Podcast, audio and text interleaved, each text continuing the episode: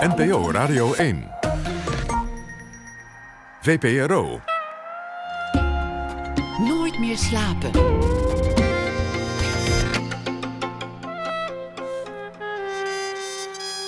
Met Pieter van der Wielen.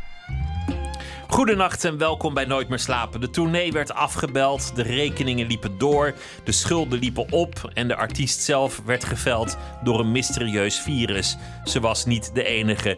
Wekenlang zag ze geen mens. Nou zou je denken, grote, dikke stress. Maar het nieuwe album van mijn gastkomend uur, Eva van Manen, dat na deze periode is verschenen, klinkt juist heel anders. Achteroverleunend, beschouwend, relativerend, met een zekere mate van, hoe zal ik het noemen, bezinning. Haar vorige plaat, Politiek en Liefde, was één grote aanklacht. Deze plaat veel minder. De diepte in is de titel en dat is ook meteen wat er aan de hand is. Er is ruimte voor bezinning. Niet al die meninkjes. Heb ik keer oog voor het grotere geheel. En wat is dan het grote geheel? Uiteindelijk dat we kleine, nietige wezentjes zijn in een eindeloos universum dat we helemaal niet kunnen overzien. Er is ook nog een eh, dichtbundel uit voortgekomen. Hoe zijn we hier gekomen? Eva van Manen is hier geboren in 1989. Eva, welkom. Ja, bedankt. Leuk dat je er bent. Ja, dankjewel Pieter. Echt heel leuk, ja. Hoe, hoe, hoe lang, eh, hoe lang heb je dan thuis uh, gezeten? Ja, uh, zeven weken. Zeven weken. Dus, Ja. dus dat was in het, in het voorjaar van 2020. Toen Ja. het allemaal nog leuk leek voor veel mensen. Nee, ja, nee. Het was, het was in april. En toen werd net zo... ehm, stegen de cijfers heel erg, maar alles was wel net gecanceld. En toen, ehm, eh, eh, dus, dus alle tours, dus ook de mijne. En ehm, ik was daarover aan het bellen met een vriend. En toen kreeg ik een beetje een kuchje. En toen dacht ik, oh jee. En toen ben ik ziek geworden. En dat was echt begin april, eerste week van april. En toen ben ik ziek geweest totdat ik me op 1 juni kon laten testen. Dus die hele tussentiggende periode ben ik alleen thuis geweest. Wat heel bizar is. Als Niemand zo- gezien. Ja, vanuit door het raampje. Naast mijn voordeur zit een raampje. En dan kwamen mijn ouders met helemaal ingepakt. En die kwamen dan door het raampje zwaaien. Wat, wat heeft dat met je gedaan om, om zo in, in eh, totale isolatie terecht te komen? Nou, ik besefte me sowieso wel wat dat de band met mijn ouders en, en, en ja, de liefde of zo voor je, voor je familie en zo, dat dat echt heel belangrijk is. Nog veel meer dan dat als je de hele tijd aan het werk bent en heen en weer aan het rennen bent. Dus, dus hele simpele dingen, mm, ja, dat werd wel uitgelicht dat dat echt belangrijk is. Om niet, eh, niet helemaal gek te worden. Dat ik heel veel, heel veel met hun belde. En soms dan ging ook wel de deur op een keertje open. Dan kwamen ze langs en dan kwamen, gingen we praten. En sommige vrienden kwamen elke dag langs en dan zwaaien vanaf straat. En dus dat is wel iets wat me een soort van er doorheen heeft geholpen. Want het was wel. Maar je wordt ook heel, heel warrig van corona. Dus, dus ik heb sowieso al een vrij associatief brein. Maar door, die, door zo lang corona te hebben, wordt, wordt, ehm, is het net alsof je gedachten steeds je gezichtsveld uitzweven. Kun je me meenemen in zo'n gedachte? Kunnen we kijken of we die kunnen vangen? Hoe, hoe zo'n gedachte dan verloopt? Ja, dan word je wakker en dan ga je eerst op nieuwsapps kijken wat er aan de hand is en waar er nog meer COVID was uitgebroken. En dan gaat je, gaan, gingen mijn hersens langs. Oh ja, ehm, eh, Amerika. Mijn zus die woont in New York, dus dan, dus dan dacht ik aan gesprekken met haar. En dan dacht ik aan de videoclip van Formation. Want ik was ook een podcast over New Orleans en de, en de um, overstromingen daar aan het luisteren. En dan gaat normaal maak je een soort van maakt je hoofd een gedachte af om weer aan de volgende gedachte te beginnen. Maar dan ging het gewoon als een soort dwarrelend blaadje zo door al die gedachten heen. Een gedachtentrein die zo slingert. Ja. En dan ging het ook weer zonder, zonder conclusie of zo was het ook weer weg. En dacht ik, nou, ik ga weer slapen. En zo, ja. Het is ook wel een mooi contrast tussen, tussen je eigen kleine leven, je leven dat kleiner wordt, en de wereld die oneindig veel groter wordt of urgenter lijkt. En dat daar niets tussenin zit, omdat je niet meer echt in die wereld staat. Ja, dat, dat, zo voelde het ook wel. En mm, ja, ik denk ook aan dat ik deze. Ik heb dus een bundel in die periode geschreven. Ook om, om een soort grip te krijgen op al die dingen. En uh, op dat grotere verhaal buiten waar ik niet bij kon zijn. Terwijl er wel het was zo'n heftige tijd. Uh, wij zaten allemaal heel klein binnen, inderdaad. En buiten was de grootste demonstraties ooit in de geschiedenis in Amerika. Black Lives Matter demonstraties, Capitol bestormingen. Um, de hele wereld in een lockdown. Dus het was nogal wat, wat er via je schermpje dan zo. Maar het is ook heel abstract, want net zo goed is het niet waar. Want je bent er niet bij en het wordt langzaam schemering en dan wordt het donker buiten. En dan is er weer een dag voorbij waarin je er gewoon, eh, gewoon ik helemaal in mijn eentje was. Dus dat was wel echt heel uh, groot contrast inderdaad. Maar mm, ook wel iets wat ik in mijn werk sowieso denk ik... Uh, vaak een koppeling tussen maakt. Dus het persoonlijke en een beetje een kleine, je kleine eigen binnenwereld en je gevoelswereld en het grotere buiten of het politieke en het maatschappelijke. Want je vorige album heette Politiek en Liefde. Dat gaat daar dus eigenlijk al over. Over, over het persoonlijke. Zoals, zoals in de jaren zeventig zeiden, het persoonlijke is politiek. Ja. Je kan ook zeggen, het politieke is persoonlijk. Dat, dat, dat, zijn allebei soort van waarheden. Maar, maar in dit geval is het op een andere manier gekoppeld. Want, want die vorige plaat was echt best wel een aanklacht, een, een, een regen van tekst. Het, het was echt een soort manifest bijna bij Vlagen.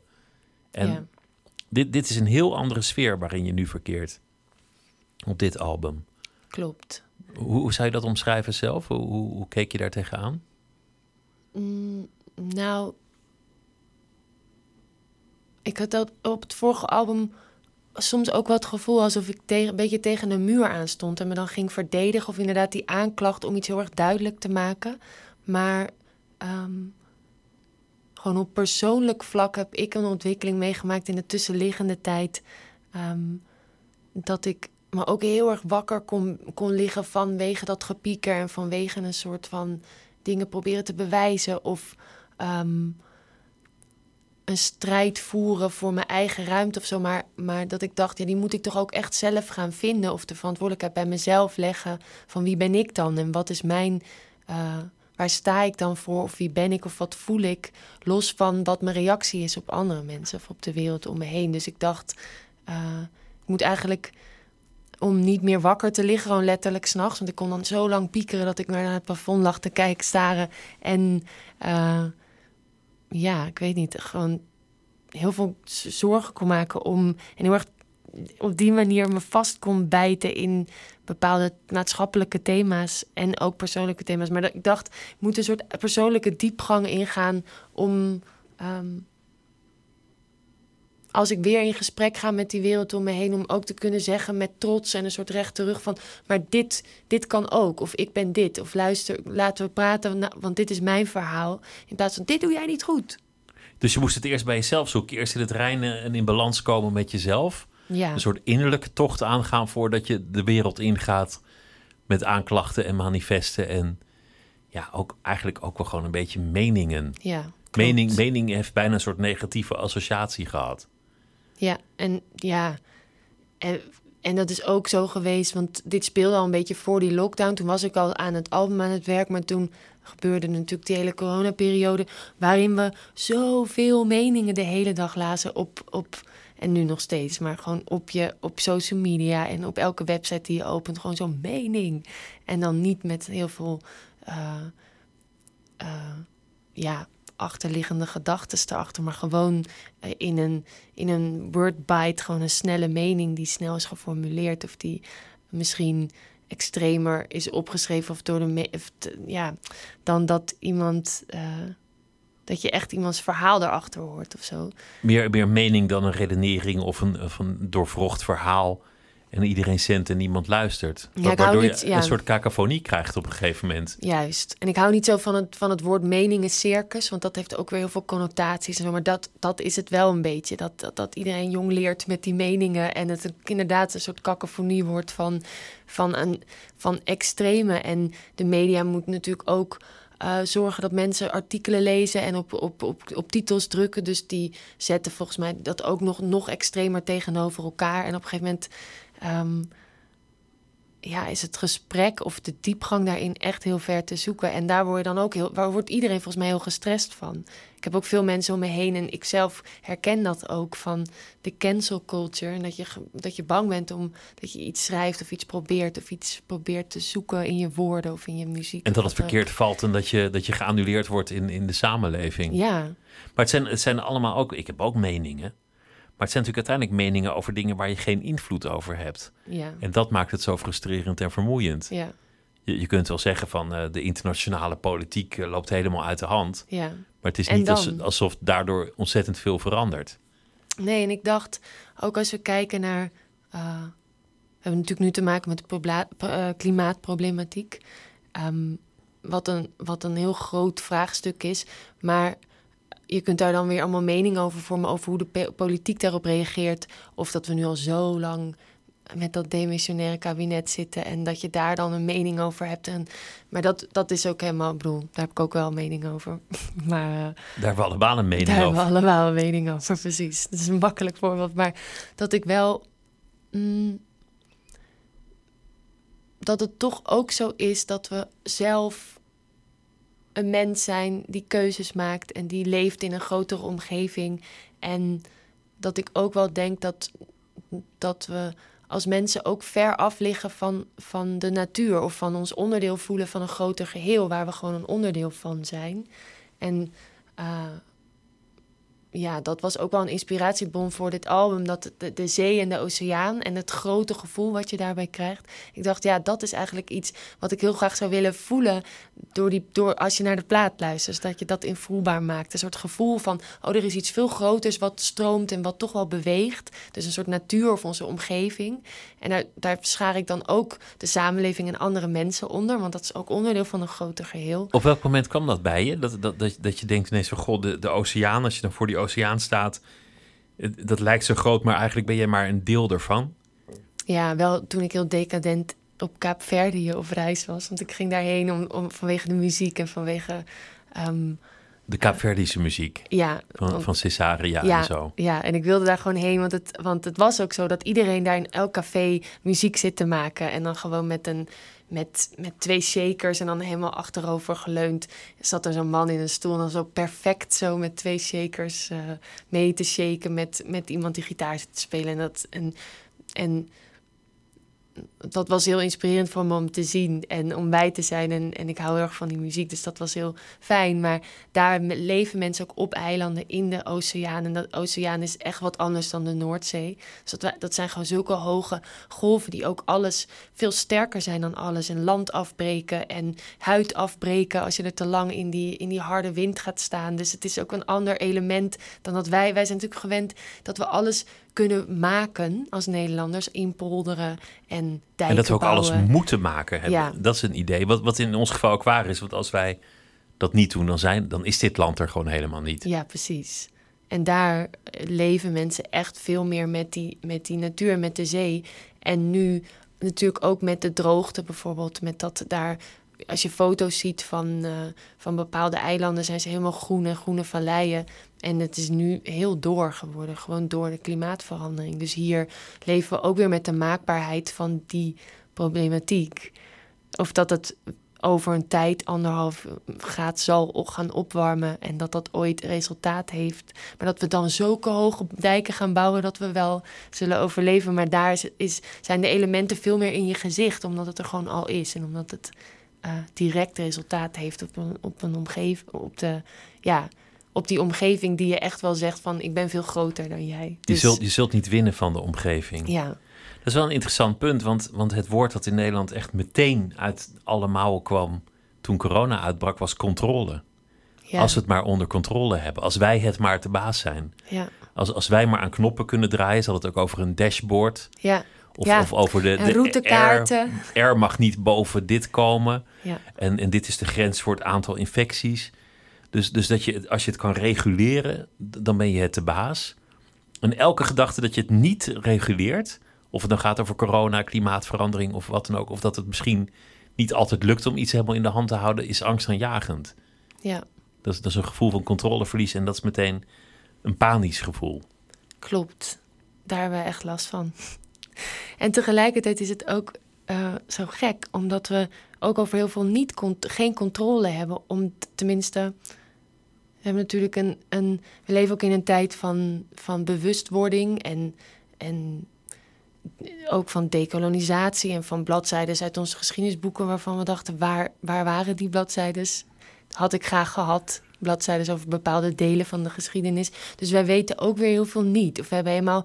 Ik, ik denk altijd, als je meer kennis hebt over bijvoorbeeld waar we vandaan komen als mensen en hoe de handelslijnen hebben gelopen in de geschiedenis en ehm, eh, ja, dat bepaalde structuren daardoor ook weer duidelijker worden. En dat geeft sommige mensen denken dan ja, dan moeten we allemaal schuld op ons gaan nemen voor de klimaatcrisis en voor institutioneel racisme en zo. Maar ik, denk het altijd andersom vanuit een positievere blik, namelijk dat het heel fijn is om te weten wie je bent. Meer dan dat als je dat niet weet en dan controle moet gaan hebben, terwijl je eigenlijk nog niet eens weet hoe je achterhoofd eruit ziet, bij wijze van spreken.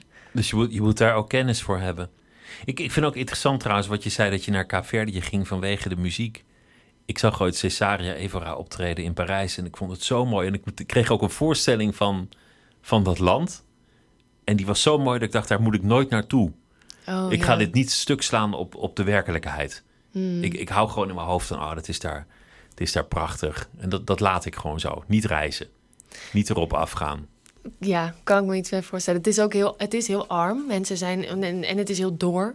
Dus alles moet ook geïmporteerd worden. Mensen zijn heel afhankelijk van toerisme. En, mm, maar mensen zijn ook dat die muziek en dat uh, wat je waarschijnlijk ook mooi vond in haar muziek, dat zo heel vol beleefd is en heel erg in het moment is. En tenminste dat. En melancholiek ook. En melancholisch, ja.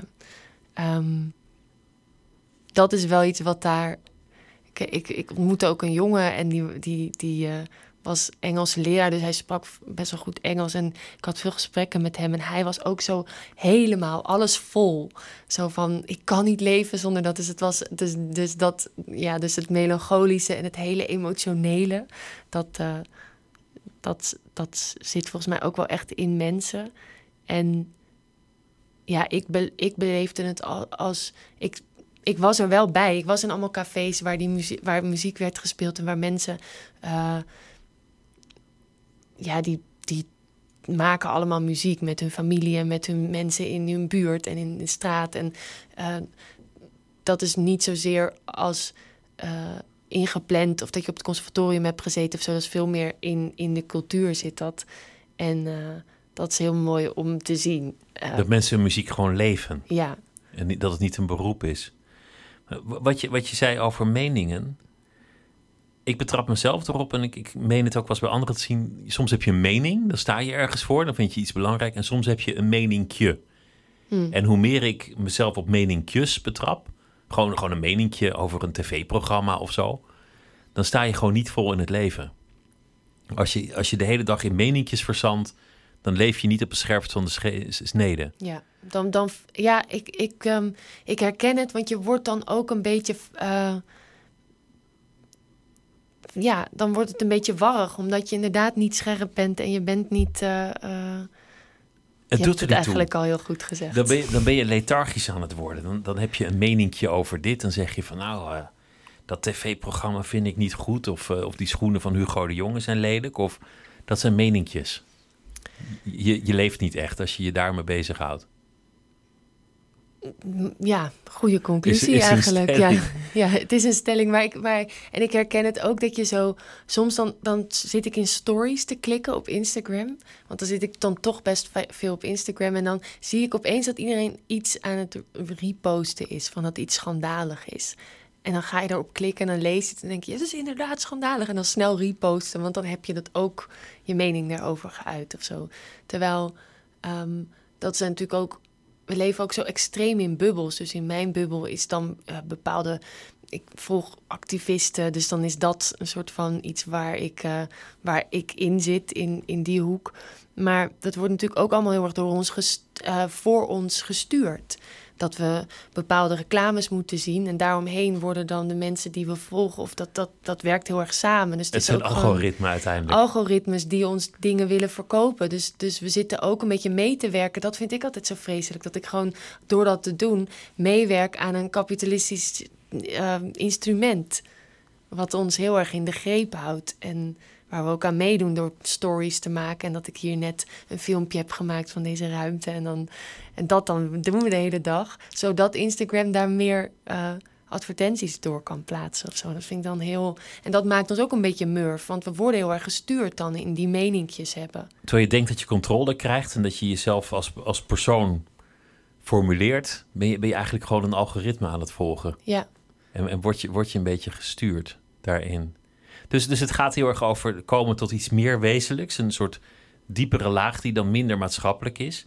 Die dan misschien ook minder woorden vergt in bepaalde opzichten. Omdat je meer probeert het in jezelf te zoeken. En dat is niet je afzijdig houden. Of dat is niet minder waard dan dat je heel erg uitspreekt over grote kwesties. Maar het is misschien juist wel dieper. Dat je, dat je ook een soort rust doet. Of je onthoudt van de mening. Of een stap naar achter doet om, om overzicht te verkrijgen. ja, en daar zit ook een kwetsbaarheid in. Omdat je namelijk zegt, nou, dat weet ik even nog niet. Of ik, of ik ben in de war, of ik moet even voelen... of me, nog een artikel lezen van wat ik daar dan van vind. En dat is ook een mm, bepaalde kwetsbaarheid die eigenlijk heel sterk is. En waar we eigenlijk, denk ik, als mensen ook heel erg naar verlangen. Dat dat er is, dat iemand iets echt wezenlijks zegt. Of, Of niks iets. zegt. Of niks zegt. En, maar wel, ja, een soort ge- geworteldheid heeft in, in haar of zijn zijn. Eh, en dat kan ik ook wel soms missen, inderdaad. Als dat er niet is, dan voelt het ook heel leeg wat we nou allemaal aan het doen zijn met elkaar. Ik zag laatst in zo'n talkshow aan zo'n tafel en er zat een, een ster. Ik, weet niet, eens wie het was, maar hij was beroemd. En, en een soort volkszanger of zoiets. En die werd gevraagd: wat vind je nou van de coronamaatregelen? En toen zei hij: Oh, daar heb ik even geen mening over. En veel mensen waren daar boos over, want die vonden dat verschrikkelijk naïef om daar geen mening over te hebben. En ik dacht: dit is, dit is een, een volkszanger, schuine streep wijsgeer. Die, die het gewoon bestaat om te zeggen: daar heb ik even geen mening over. Ja, dat is heel fijn. Verfrissend, toch? Lijkt me, ja. Dat mag vaker. Want dat, dat, hoezo zouden wij de hele tijd de mening hebben over dat we wel een mondkapje nu weer in de winkel op moeten? Waarom, waarom Ja, ik heb er ook wel een meningje over. Maar dan Ja. denk ik weer, ga eens leven, man. Ga eens wat doen. Ja, ga eens wat doen. Ga eens een echt boek lezen. Eh, maak een wandeling buiten in plaats van inderdaad dat meninkje dan te hebben. Ja. Laten we luisteren naar een, een, eh, een, een nummer van je, van je nieuwe album. Ehm, zullen we doen Niet voor mij? Is goed.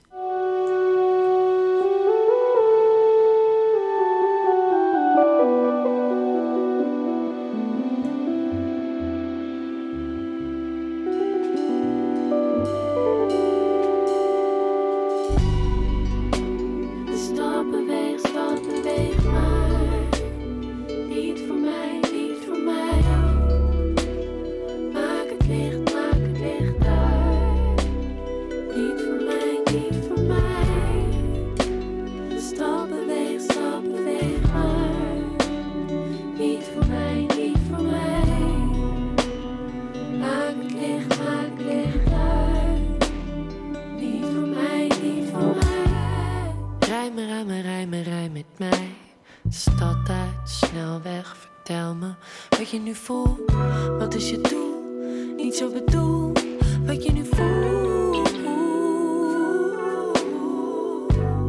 Kijk naar de mensen die samen, maar wij niet. Ik vrij niet, met jou niet. Ik niet met jou, want ik niet je vrouw ben.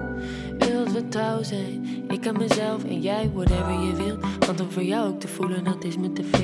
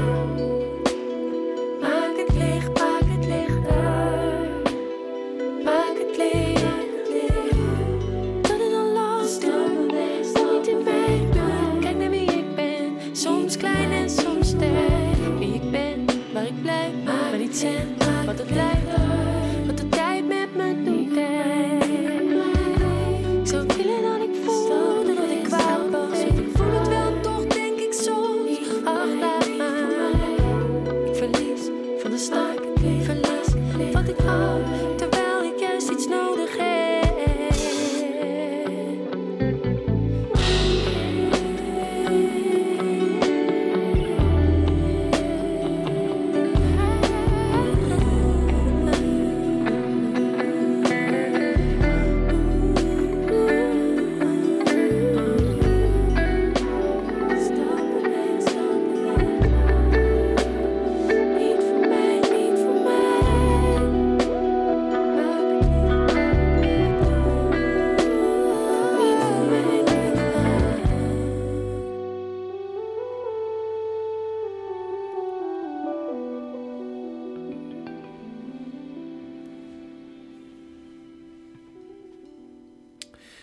Voor mij van het eh, nieuwe album van Eva van Manen die tegenover mij zit.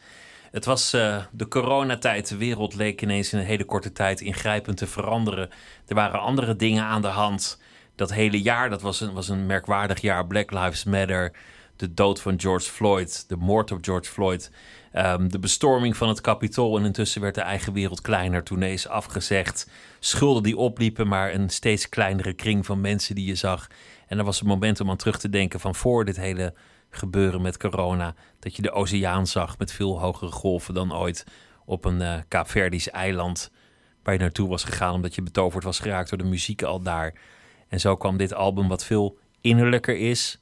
Wat veel meer gaat over bezinning dan een politieke aanklacht. Zoek het eerst in jezelf en kijk daarna naar de wereld. En het is geen schande om je met jezelf bezig te houden. In die zin, in plaats van met, met dat meningencircus. Ik gebruik het woord wel gewoon. Dat, eh, dat, dat zich daar buiten afspeelt. Wat, wat, wat ik interessant vind in, in jouw, jouw loopbaan is dat je eigenlijk uit de theaterwereld komt. Of in ieder geval qua, qua opleiding. Maar wat, Ja. was, wat was ooit je echte plan? Of je oorspronkelijke plan? Nou, mijn, mijn moeder die is ontwerpster. Dus eerst ehm, was ze meer binnenhuisarchitecte. En toen is ze kleding gaan ontwerpen voor een Amsterdams merk. Maar die was wel altijd heel erg met beeld. Zij is heel beeldend, dus beeldende kunst. Dus we gingen heel veel naar musea en zo. Dus ik dacht ook altijd, oh, ik wil. Ik was ook heel bij de hand vroeger. En dan zei ik, ik hoef niet naar het VWO, want ik ga naar de kunstacademie. En dan dacht ik dat ik beeldende kunst wilde gaan studeren. Mm. Maar ik was ook altijd al wel. Ik speelde piano vanaf heel jongs af aan. En toen eh, zat ik op theaterles. En toen schreef ik een beetje liedjes. En die docent zei: Oh, maar wil je, dit moet je gaan doen volgens mij. Of dit zou je heel goed kunnen doen. En eh, ja, en En wat, wat bedoelde hij met dit zou je goed kunnen doen? nou, hij kwam van de Kleinkunstacademie. Dus hij, we zaten in het was een soort jeugdtheaterschool in Haarlem. En hij gaf ons dan les. En ik, ehm, hij, ik denk dat het zo ging dat hij dan een liedje speelde wat hij zelf had gemaakt. En toen ging ik ook liedjes schrijven. En toen stuurde hij mij muziek. En toen dacht ik, oh, dit is iets wat ik heel goed begrijp. Dat je zo'n verhaal via muziek vertelt. Ja. Veel effectiever dan een theatervoorstelling. Omdat ja. je, dat je in drie minuten kan, kan, je, kan je een hele wereld neerzetten. Ja, ik verbaas me ook altijd over hoeveel tijd er dan in één lied van drie minuten zit. Maar ehm, Omdat het zo gecomprimeerd is. ja, het is zo gecomprimeerd. En er zit ook een hele muzikale wereld tussen gedichtschrijven. is ook weer heel wat anders. Maar ehm, nou ja, ik, dit gebeurde en toen was ik 15 en toen ging ik heel veel liedjes schrijven. En toen dacht ik, oh, ik moet naar de Kleinkunstacademie. Maar dat was de toneelschool en Kleinkunstacademie. Volgens mij is dat nu nog steeds, maar toen was dat in Amsterdam samengevoegd. Dus je had echt nog de docenten van veel muziektheorie en, en liedjes zingen. En, eh, ehm, maar ook cabaret is dat, natuurlijk kleinkunst. En, eh, en de toneelschool. Dus ik had ook toneelvakken en vondel spelen. En ik had camera acteren. En toen had ik een, een eh, zorgelijk op mijn rapport. Wat En- is, zorgelijk is een soort, soort 6 min of nog, nog slechter? Nee, slechter, joh. Nog- ook, minder. Nog minder. dus de ik- zorgen beginnen pas echt bij de, bij, de, bij de bodem. Ja, ik denk het. Ja, ik was echt de slechtste. En nog bij een ander vak had ik ook... ging de docent van goed naar slecht kaarten uitdelen. En ik was dan bovenaan, maar het bleek dat ze bij de slechtste begonnen. Wat Het was is dat echt voor, sadistisch, die wat opleiding. is dat hoor. voor systeem, joh? Dat je, dat je dan gaat zeggen, we hebben een hiërarchie in de klas. En kijk jongens, dit is de slechtste van dit jaar. Ja, maar dat was Niet dan in heel de didactisch, toch? Nee, maar dat was sowieso... Ik zat op die school die ook nu helemaal op de schop is gegaan... omdat al die mannen daar zaten en al die MeToo-verhalen. Daar zat ik een soort van... Ik zat, het was net alsof ik in 1920 op school heb gezeten. Qua hiërarchieën en... Maar ja, ik zat dan aan, aan de muziekkant en ik had altijd... Bij compositieles had ik wel altijd liedjes. En dan zei, zei, vroeg de docent, heeft er iemand een, een, iets gemaakt? En dan keek iedereen naar mij en dan ging ik dat lied spelen. Dus ze zeiden ook, ja, zorgelijk, maar ze gaat toch muziek maken later. Dus dat je er nu vrolijk over vertelt, dat komt eigenlijk door de muziek. Ja, Dat, dat hield je op de been, want, want anders zou het een hele nare, traumatische tijd zijn geweest. dan was ik ook gestopt. Of ik denk dat zij mij niet hadden door laten gaan. En, en ik was daar ook bij Vlagen heel ongelukkig op die school. Dus ja. En ik heb er ook weer achteraf probeer ik dan heel positief over te zijn. Want ik ben er ook wel boos over bepaalde dingen die zijn gebeurd. Maar ik, heb er, ik ben ook dankbaar voor dat ik wel eh, daar heb gezeten. Omdat ik wel heb geleerd hoe een verhaal te vertellen. Dus een constructie van een verhaal of van eh, dat je iets niet direct zegt, maar dat er e- door het gevoel wat het overbrengt toch iets bereikt bij mensen. Nou ja, zo daarover, dat, dat is wel iets wat ik heb geleerd op die school. Het heeft je ook veel gebracht uiteindelijk. Wat, wat was het moment van de doorslag dat je zeker wist, muziek is mijn toekomst en niet theater? Ja, wij, wij studeerden af en toen zat ik bij de Hollanders. Dat was een acteurscollectief waar ik dan veel de liedjes voor maakte en de muziek voor componeerde. En daar werkten we met Spinvis aan een voorstelling. Die hadden wij gevraagd om de toneelteksten te schrijven. En dan zou ik de muziek gaan componeren. Want, zei de groep, Eva is al onze componist. En toen, was ik, eh, toen kwam hij in zijn grijze pak. Want Erik die heeft dan hele mooie kleren aan. En die eh, kwam in die repetitie. Toen ging ik met een heel rood hoofd zo'n liedje spelen wat ik had gemaakt. En toen zei hij, oh, dat is echt heel goed. Kan je niet, eh, heb je niet nog meer liedjes? Het moet je echt uitbrengen. En toen dacht ik, ja, dit wil ik gewoon doen. Ik wil eigenlijk niet in theater en dat er nog allemaal lagen tussen zitten van een vierde wand.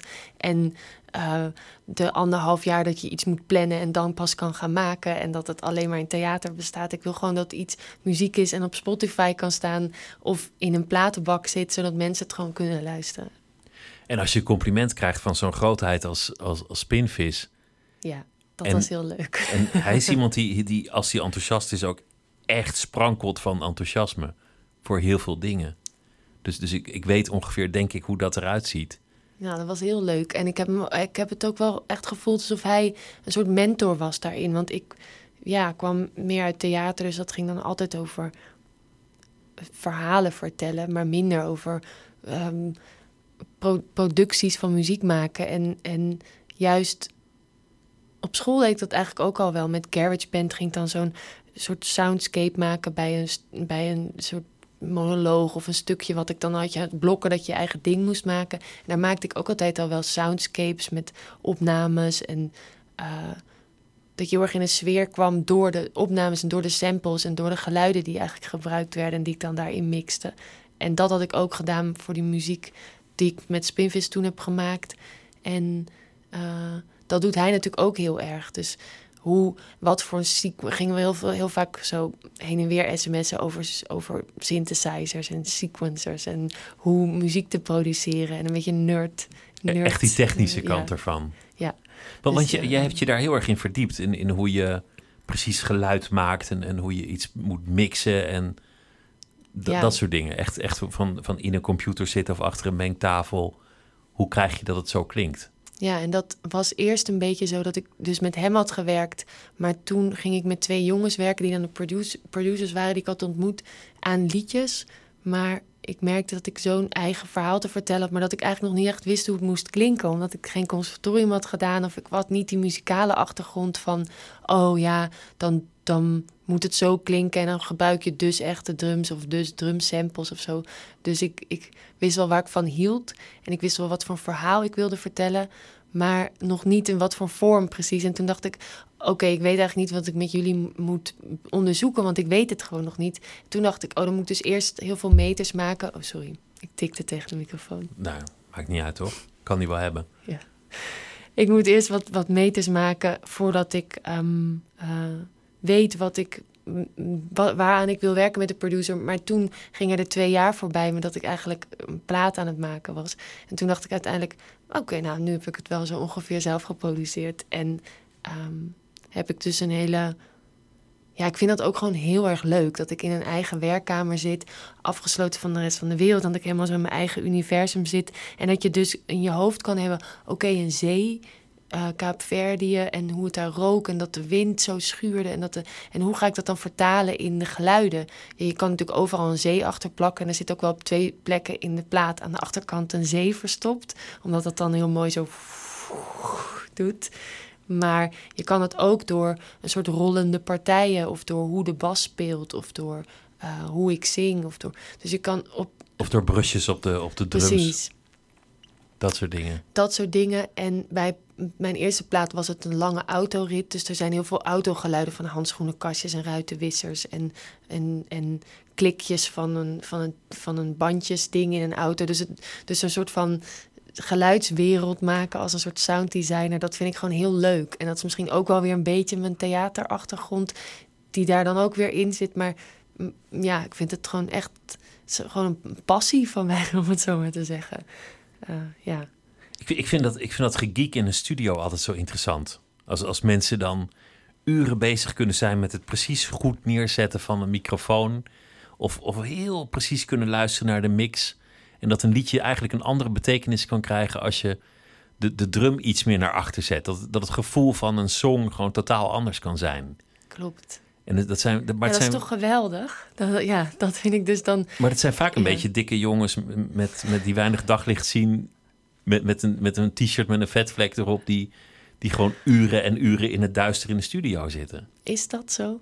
Of is dat een karikatuur die ik in mijn hoofd heb eh, genesteld? Nou ja, dat is wel heel interessant. Want dat is inderdaad het beeld wat we er heel erg van hebben. Maar ehm, ik ken inmiddels ook heel veel vrouwen die, die ook hier, eh, die, die dit ook doen. Produceren. produceren of, of engineer zijn in een studio of een eigen studio hebben of mixen. Of, ehm, eh, want ik had dit beeld ook en daarom ging ik met die jongens werken. En toen uiteindelijk dacht ik, oh, maar hé, hey, ik heb dit al zelf geproduceerd. Maar dat beeld wat we hebben van, van degene die muziek vormgeven, dus die, die muziek eigenlijk maken tot wat het is, is toch ons beeld erg dat dat mannen zijn aan de achterkant van de muziekindustrie. eh, zijn het mannen die dan in de studio achter de knoppen zitten. Deze mannen. De, de Phil Spectors, de Rick Rubins, dat, Ja, dat zijn precies. allemaal mannen. Dat zijn allemaal mannen. En ehm, toen ging ik, ook vaak daarover vertellen. Of toen kwam die eerste, dat eerste album uit. Toen vroegen mensen: Oh ja, ja, leuk. Maar wie heeft het echt geproduceerd? Gewoon, en dat is, was niet, niet eens lullig bedoeld. Maar zo, het is natuurlijk wel. Ja, je moet daar dan wel weer doorheen. Door zo'n opmerking. Door te zeggen: Nou ja, ik. eh, en er is wel een engineer, Igor Wouters, heeft me heel erg geholpen. En die heeft ook nog wel snergeluiden vervangen met andere snergeluiden. Maar uiteindelijk heb ik die plaat grotendeels geproduceerd. En dan gingen mensen zo, oh, dus eigenlijk heeft hij het geproduceerd. En toch omdat dat beeld, die ehm, ook genderrollen heeft dat mee te maken, dat is dan zo, eh, dat zit zo vast in ons hoofd. En toen ging ik daar steeds meer over praten met andere vrouwen in de muziek, omdat ik dacht, hey, hebben andere vrouwen dit ook? Ehm, en toen kwam ik wel meer, toen ontdekte ik dat er meer vrouwelijke producers zijn en meer vrouwen die dit heel leuk vinden om te nerden met knopjes en samplers en weet ik veel, eh, dan, dan, dan dat wij weten of dan dat bekend is. En toen besloot ik om, een, eh, om daar dan iets voor te maken of iets mee te doen, omdat ik ook dat contact heel tof vond om in contact te komen met andere vrouwen die dus ook. eh, Waarmee ik dan ook die gesprekken die ik dus met Erik voerde, met andere vrouwen kan voeren. Van hoe doe jij dit? Of waar loop jij tegenaan? Of, of eh, ik heb deze drums opgenomen, maar moet ik nou de drums op de tel trekken? Of de bas op de tel? Of moet ik de tel loslaten? Weet je wel, zo allemaal van dat soort vragen die je kunt hebben over het gevoel wat je wilt uitdrukken in muziek bijvoorbeeld. Nou, dat is heel specifiek, maar dat allemaal kan je in een... Dacht ik, oh, wat nou als we een netwerk opbouwen daarvoor, voor vrouwelijke producers... Ehm, en toen ben ik met allemaal mensen gaan praten. Met Josephine Zwaan, dat is ook een producer. Heb ik toen Rosetta opgericht. Dat is een platform voor vrouwelijke en gender non-conforming muziekproducers. Uh, en daar doen we nu allemaal dingen mee. Dus dat is echt heel leuk.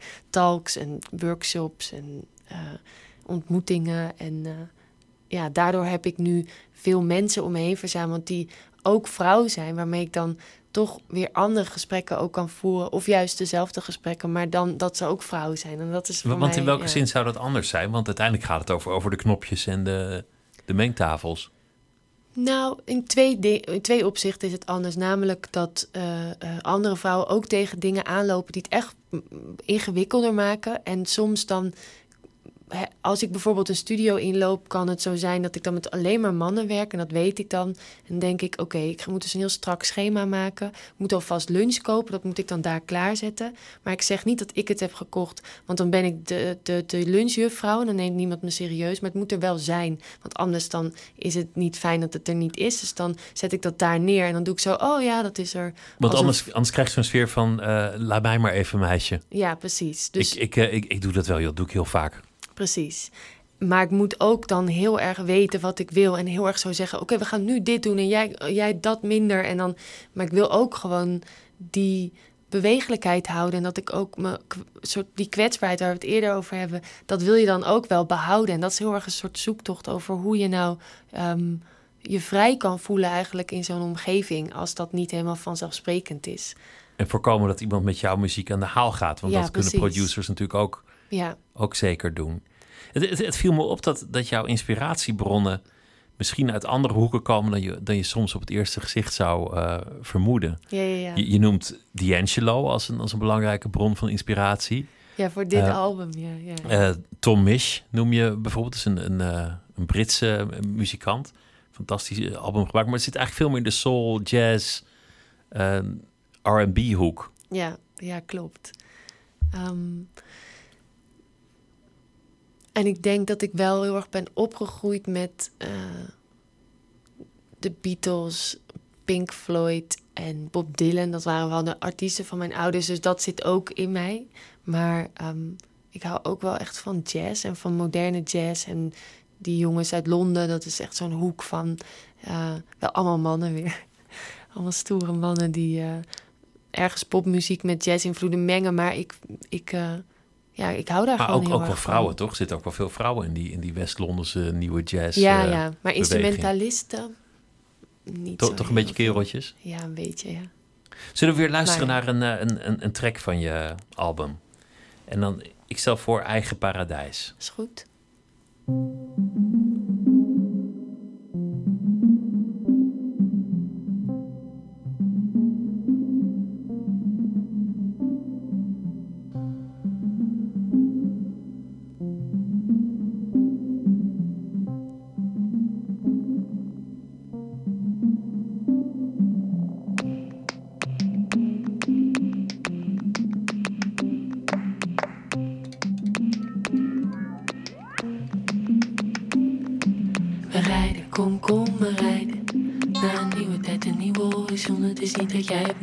Maar. Kom, we rijden. Naar waar alles kan, wat niet. Je zit hier naast me. We praten. Lichten voor ons in het zicht. Bewegen naar vooruitgang. Ook al lijken zoveel mensen tegen. We praten. Systemen. Je baas. Morgen, wat voor ons in de tijd. Maar wie geschiedenis geschreven bepaalt. Wat zie je en wat hoor je? Als ik mijn huid kon vervangen als een slang, vervel ik wie ik ben. Terug in het paradijs, niet die rib. Het wit en het wissen, de sporen, de schuld, de geschiedenisles. Ben weer 16, levensbeschouwing in een klas. Bijbel in de vitrine en plaatjes zien. Jezus als die acteur uit The Lord of the Rings, Christian Bale. Maar in elk geval niet Michael B. Jordan of Chadwick Boseman. Ik hoor je, hey, we rijden, kom, kom, we rijden. Naar een nieuwe tijd, een nieuwe horizon. Het is niet dat jij het moet doen, maar. Kom bereiden. Zie hoe de zon verdwijnt als je een Kom, kom bereid. Kom, kom bereid. Naar een nieuwe tijd, een nieuwe horizon. Het is niet dat jij het moet doen, maar lijf. Kom bereid. Naar waar alles kan, maar niet. In ons eigen paradijs lig jij op bed en kijk naar basketbal. Wil je nog uitgaan? Zeg niet dat we stromen, dat we ergens komen. Of is dat enkel wat ze willen dat we zien? Misschien. Shit, weer een jongen uit de wijk van 17 Zoveel leven niet gezien. Zie hoe de media de haat zaait. Dit probleem enkel dat van de straat maakt. In plaats van te kijken waar elke lijn naar terug gaat. Wat is dit angst om te verliezen? Angst voor wie er staan, kijken, laat op straat. Angst dat we s'avonds samen voor de vormer staan. Angst die bitter voor de moeders. Angst voordat we doorgaan en ergens voor zijn. We rijden, kom, kom, we rijden. Naar een nieuwe tijd, een nieuwe horizon. Het is niet te kijken, moet doen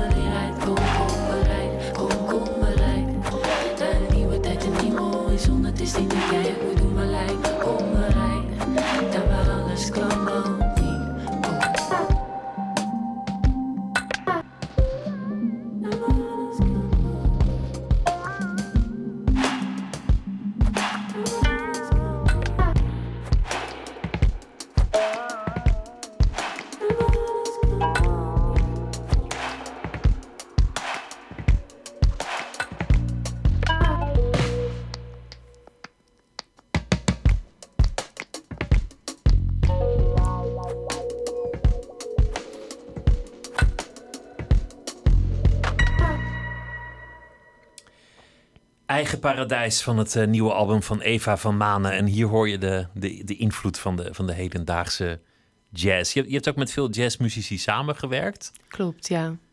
Ja, dus als je naar dit album luistert, dan, of eh, dit, dit, dit nummer luistert, dan heb ik bijvoorbeeld eerst ehm, eh, een basisbeat gemaakt en, en die wordt een soort van geknip. Dus dat was er al. En de akkoorden en, en allemaal partijen, die, die waren er eigenlijk al. En toen ben ik met Jordi Kalsveld, dat is een echt geweldige toetsenist. Die, je gaat meteen tranen schieten in, in je ogen als hij zit te spelen. Ehm, en die heeft hele mooie oude synthesizers, echt van die een oude Yamaha synthesizer, Yamaha 80. En dat is zo'n mooi instrument. Die zo een beetje gruizig klinkt. En dat is bijna niet te even, evenaren met een computer plugin. Maar en dan kwam hij erbij en Kik Woudstra op drums. Dat is ook een jonge jazzdrummer. En eh, Xander Vrienden op bas. En daar, die hebben dan weer in de studio meegespeeld en sporen ingespeeld. En dan heb ik daar weer in dit nummer weer een hele laag opgelegd van drumgeluiden. Die ik daar dan weer op heb ingespeeld. Of een soort van dat. sjoe, sjoe. Je wordt een soort van snelweggeluiden. En heel erg, heel erg ook in, in sfeer denken. Ja, Meer, meer dan in eh couplet, refrein, bewijs van spreken, is, is sfeer natuurlijk ook gewoon een onderdeel van, eh, van Zeker. compositie. ja. En, en dit nummer is ook weer op een snelweg, want het is namelijk het vervolg. Eigen Paradijs is wel leuk, want het is het vervolgnummer op Politiek en Liefde. Ehm, zo heette de plaat, maar ook een nummer. En dan zit, zit, zit een stel in een, eh, in een auto en die eh, voeren een heel ongemakkelijk gesprek over wit zijn en niet wit zijn. Ehm, en dit, nu gaat het gesprek eigenlijk verder in het nummer wat je net hoorde. Is een vervolg daarop. En daar heb ik eigenlijk vanaf dat Politiek en Liefde uitkwam tot, di- tot dit uitbrengen aan gewerkt. Dus ik heb echt een jaar aan die tekst zo gewerkt. En toen was het af. En toen eh, ging het opnemen. Maar, maar je vertelde over je, over je moeder die ontwerpster was en jou meenam naar musea. En dat je, dat je daardoor al heel jong dacht van ik hoef geen VWO, want ik ga toch eh, een kunstopleiding doen. Dat, dat engagement, was, was dat ook iets wat je met de paplepel werd, werd ingegoten? Ja, mijn vader, die, die, dat, komt wel de, dat komt meer van mijn vaders kant. Die is ehm, jurist als beroep. Ehm, en vroeger had hij ook een prodeo-advocatenkantoor. Dus hij wilde die echt voor mensen, voor gelijke kansen, het, het recht beschikbaar maken voor, eh, ja, voor iedereen in de samenleving. En eh, we hadden ook altijd heel veel gesprekken over politiek aan tafel. We komen uit een heel links gezin. Eh, dus gelijkwaardigheid van mensen was altijd heel veel belangrijker dan bezit of dan eh, eigen belang of egocentrisme in die zin. Dus dat heb ik wel heel erg van huis uit meegekregen. Dat het nadenken over eh, mensen om je heen en in een stad of in een samenleving. En eh, een bewustwording van dat er ja, verschillen zijn in dat, dat, dat het streven is naar gelijkwaardigheid en dat, dat er klassenverschillen zijn of dat er gewoon dingen zijn in de samenleving die onze aandacht nodig hebben. En ook denk ik dat het heel erg door mijn vader wel komt dat je ehm, het verantwoordelijkheidsgevoel erover, dus dat je, dat je het je aantrekt in plaats van dat te het denken. ook over jou gaat. Ja, en dat is misschien ook, zij zijn nu eh, in de 70, dus in de 70s waren zij, wat je net zegt, van politiek, alles is, eh, persoonlijke is politiek en eh, alles is eh, eigenlijk politiek. En dat is ook iets waar ik denk ik door hun opvoeding ook wel, dat ik daar zo over voel. Dat we dus verantwoordelijk zijn voor alles eigenlijk in het leven. En niet dat je denkt, nou politiek of hoe het gaat in de maatschappij is Den Haag en daar heb ik niks mee te maken. Hoewel het ook soms gezond is om, om, het, om het niet tot jouw probleem te maken. Ik vind, dat, Ja. ik vind dat toch ook een valide keuze om af en toe, nou ja, te zeggen: laat maar even. Dit is niet voor mij. Dit is niet mijn strijd. Zeker, ja. Ieder zijn eigen weg. ehm, Vo- Voerde je vader ook de hele dag rechtszaken en, en bezwaarprocedures trouwens, als hij geëngageerd en jurist was?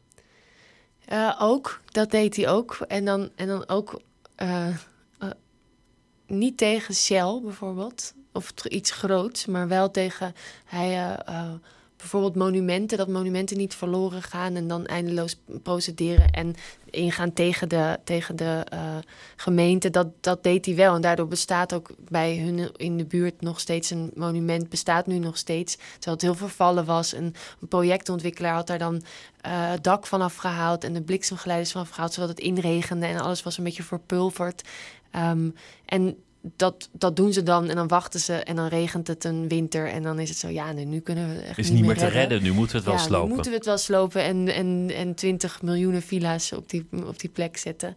En daardoor is het nu wel, is, staat het er nog. eh, en ehm, dat vind ik wel ook een heel erg een schoonheid hebben. Dat je het niet loslaat en denkt, maar dat je, dat, ja, dat je daarvoor gaat vechten. Terwijl dit iets kleins is in je eigen omgeving. Maar ja, dat, dat monument, het komt niet meer terug als het eenmaal weg is. Heel gezonde altijd als een, als een mooi monument wordt gesloopt en voor altijd is verdwenen en in een, in een boekje eindigt of, eh, of zoiets. Dan moet Ja, je je precies. engageren. Je kunt je niet de hele tijd engageren, maar soms moet je wel. Nee, en ik denk wel dat engageren kan ook op verschillende manieren natuurlijk. Want je kunt je heel erg engageren met, met, eh, met wat er met de politiek gebeurt. Maar ik, ik denk dat de beweging die ik probeer invoelbaar te maken met het album... eh, is ook een bepaald soort van engagement, denk ik. Maar meer op een gevoelsmatig niveau ehm, of met je omgeving. Een soort eh, ik, vind, ik vond het ook lastig soms om, te, om daarover te vertellen. Omdat als je zegt ik berust en ehm, eh, ik ben gewoon met mezelf bezig en ik zit in mijn eigen ruimte. Dat is ook een beetje een soort. eh, het klinkt ook een beetje alsof ik de hele dag op een yogamat zit of zo. Maar ik geloof dan nog wel, ik, ben, ik zit zo in elkaar dat ik het idee had dat ik dat moest doen voor mezelf. Om een beetje bij een berusting uit te komen. en Meer eh, eh, de diepte in, in, aan de binnenkant in te duiken. Maar ook om daarmee in contact te staan met de wereld om je heen. Eh, om hoe wij als mens zijn in, in ons leven. En of je het idee namelijk hebt dat je de hele tijd een mening moet vormen. De hele tijd nieuwe schoenen moet kopen. De hele tijd nu weer vliegtickets moet kopen. Want het is een koopje. Want we moeten weer. Want de, de, de. En, en eh, dat komt misschien ook door mijn opvoeding. Maar dat het idee van eeuwige groei en het kapitalisme. En daarin mee moeten gaan. En dat dat heerlijkmakend is. Dat dat, dat, dat ook iets is als ons voorgehouden wordt. En daar moeten we volgens mij nu ook allemaal een beetje op terugkomen. Of dat is wel wat de tijd ons ook vraagt, toch? Met Van, alle die rusteloosheid en, en die Ja. gejaagdheid en een permanente soort leegte moeten vullen. Precies. En moet dat echt? Of als je. ehm, ik vond het heel interessant om te merken dat in die lockdownperiode dat we eh, veel thuis waren en ons leven aan opvulden met boeken lezen en met punneken, weet ik veel wat mensen allemaal deden, wat je, op, wat je voorbij hoorde komen. Zuipen dat- voornamelijk, geloof ik. Ja, in jouw omgeving zuipen, ja. Ja, ik las ook in de krant hoor, dat iedereen het op een... eh, maar goed. Ik had daar geen geld voor. dus. nee, ja. ehm, zuipen, oké, ja. Dan leef ik dus echt weer in een andere bubbel... waarin mensen dan allemaal boeken gingen lezen en zo. Grappig, ja. Maar nou ja, in ieder geval dat ik denk... ehm, dat heeft ook heel veel waarde in zich. om gewoon wat rustiger te worden in je, in je leven. En waar je allemaal denkt in mee te moeten gaan. Of dat je weer van alles moet kopen. Omdat je je slecht voelt dat je dan maar eh, weer kleren gaat kopen. Omdat je een fix nodig hebt. Ja, precies. Je, je hebt ook een, een dichtbundel uit. En, je eerste. En zou je een gedicht willen, willen voordragen? Ja, dat tot is slot? goed. Ehm, ik kan een gedicht over Kaapverdië eh lezen. Ja, doe dat. En over de melancholie waar we het eerder over hadden. Drumbeat 8.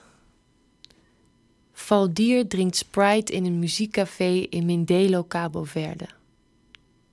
De reden dat wij hier nu zitten, zegt hij, is verzonnen door Europeanen. Dat het Kainsteken geen letter, maar een kleur zou zijn. Zodat men ons mocht kapen, tot slaaf maken, verkopen, verplaatsen naar hier waardoor West-Afrikaanse ritmes samenkomen met klanken van fado's. Ik hoor mensen die zondag in een overdekte sporthal zingen: God is in alles en in mij groeit, dat alles ook bestaat los van mij of los van mijn schaamte. Portugezen kaapten dit eiland te door voor wortels, de wind schuurt het op, de zee spoelt het weg. Voetstappen van zij die al gingen, als percussie in sodade. Zo daden. Een woord dat zich niet echt goed laat eh, vertalen. Het is inderdaad een woord, daarom staat het ook niet dik gedrukt. Dus uh, gedrukt. Het is eh, inderdaad een woord, een gevoel. van ja, melancholisch, verlangend gevoel. Ja, Een gemis van iets dat er misschien wel nooit was. ja precies. Eva van Manen, dank je wel dat je langs wilde komen. En eh, ik noem nog even de titel van, eh, van het nieuwe album, De Diepte In. En de bundel heet Hoe zijn we hier gekomen? Het was een, een genoegen om met je te praten. En ik wens je heel veel Heel plezier met alles wat je, wat je verder gaat doen. En morgen in Nooit meer slapen, dan zit Lotje IJzermans hier. En die gaat in gesprek met Bo Tarenskeen. En ik wens u een eh, hele goede nacht.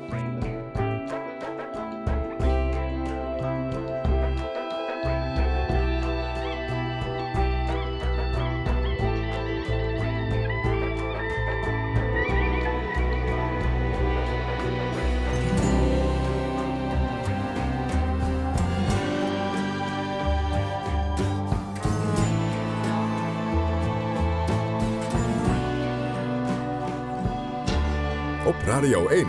Het nieuws van alle kanten.